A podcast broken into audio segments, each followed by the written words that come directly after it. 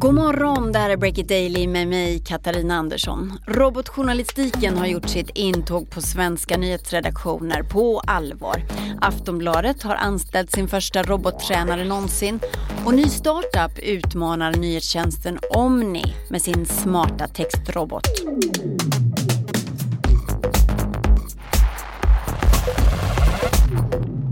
Okej, eh, ska, vi, ska vi börja bara och titta, titta runt lite här då? Jag bor här och jobbar här eh, till från. Sen jobbar jag också på Scandic och lite andra ställen. Mm. Är 23 kvadrat. I en minimal lägenhet på Östermalm har två ingenjörer tagit fram en skrivande robot.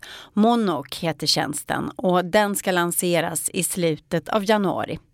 Adam Sam är en av grundarna. Bakgrund på KTH, har dessutom pluggat teoretisk filosofi och lingvistik och jobbat på mediejätten Schibsted. Men det var först när jag började på Schibsted och eh, såg vilken potential eh, en sån tjänst skulle kunna ha. Eh, samtidigt som att det inte var lika svårt som jag trodde att det skulle vara. Det var inte raketforskning. Nära till, men inte raketforskning. Den kända svenska nyhetstjänsten Omni har blivit ett av Sveriges snabbast växande medieföretag trots att man inte skriver några egna artiklar. Idén är istället att vara bäst på redaktörskap, att plocka de viktigaste nyheterna ur nyhetsfloden från hela världen. Redaktörerna skriver en kort sammanfattande text som intro till en speciell händelse, ett terrordåd till exempel. Och sen så länkar man till artiklar från olika nyhetsmedier. Omniläsaren kan läsa mer från olika perspektiv. Adam Sam säger att hans monok funkar ungefär på samma sätt. Fast istället för en redaktör så är det en robot som gör hela jobbet. Det blir billigare och dessutom behärskar roboten 40 olika språk. Det vårt system gör är att den eh, läser massa nyheter eh, på nätet och eh, laddar ner dem, analyserar dem och sen säger okej okay, men de här fem artiklarna om det här terrorattentatet hör ihop. De pratar om exakt samma sak. Och sen skriver den en liten sammanfattning om det på 100 till 200 ord. Och eh, sen publicerar en artikel med eh, video från eh, Youtube och Twitter och Instagram med en kort text som förklarar. Jag sa till dig när vi pratade första gången, det här låter ju som en omnidödare. Uh, ja, ja, vi är inte ute efter att döda någon, men uh, jag tror att det finns utrymme för en sån här tjänst och är den konkurrenskraftig kanske den kan konkurrera med Omni. Men vi, vi kan producera artiklar på 40 olika språk så vi kan skala upp väldigt mycket. Och jag vet inte om Sverige är vår eh, huvudmål. Vi på Breakit har fått provläsa texter från Monok på svenska så känns det som roboten rapar upp samma text som i originaltexten. Men på engelska så funkar den mycket bättre.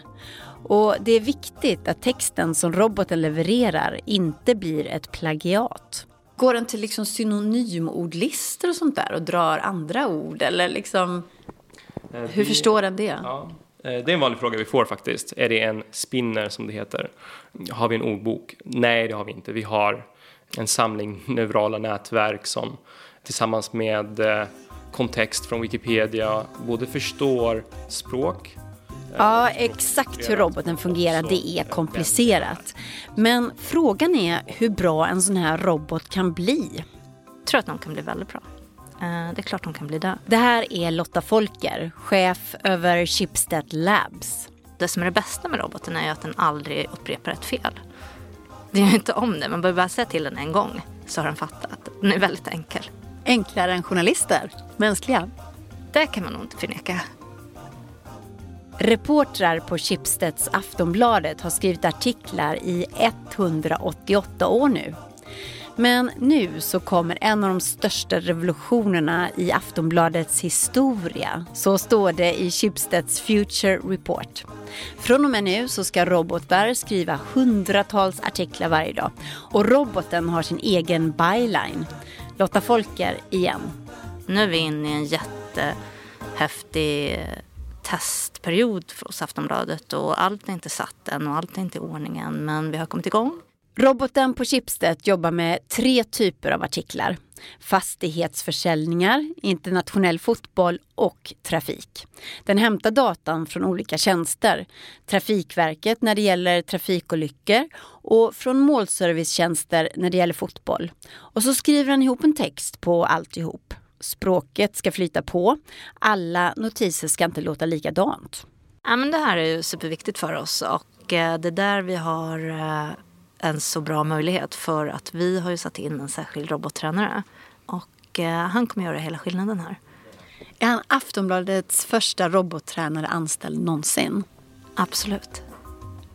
Mattias, robottränaren Andersson, sitter vid sin skärm och tränar roboten. Syna texterna löpande och eh, kanske fila på någon, eh, just någon enstaka formulering eller någonting sånt där. Visar du datorn då så här, om den har kommit med en text så visar du så här, nej skriv så här istället? Eller hur går det Eh, till? Vi får mata in den formuleringen vi vill ha istället. Om Robottränaren, liksom han gillar sitt nya jobb. inte- Eh, sätter den rubriken själv också?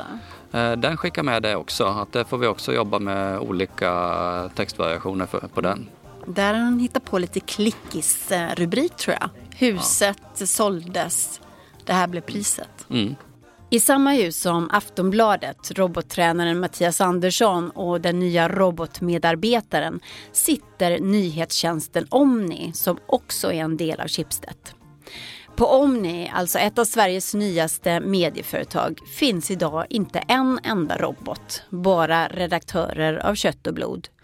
Traditionella mediehus som Schibsted och Mittmedia satsar alltså på robotar, men inte Omni.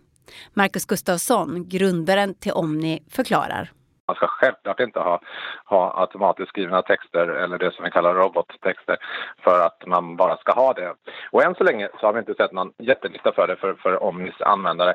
Men på sikt så tror vi absolut att det kan finnas en, en nytta även för oss att ha automatiskt skrivna texter när det finns bra dataunderlag för det. Omni är en personaliserad nyhetstjänst så där finns det ganska goda möjligheter. Du kan ju följa ämnen och följa enskilda bolag och vilket innebär att eh, vi skriver ganska många nyheter som inte berör så många men när man lägger upp bevakningar på ämnen och då blir det ju ganska relevant. Break It Daily är tillbaka imorgon. Lyssna då. Katarina Andersson heter jag och ansvarig utgivare för podden är Ola Aronsson.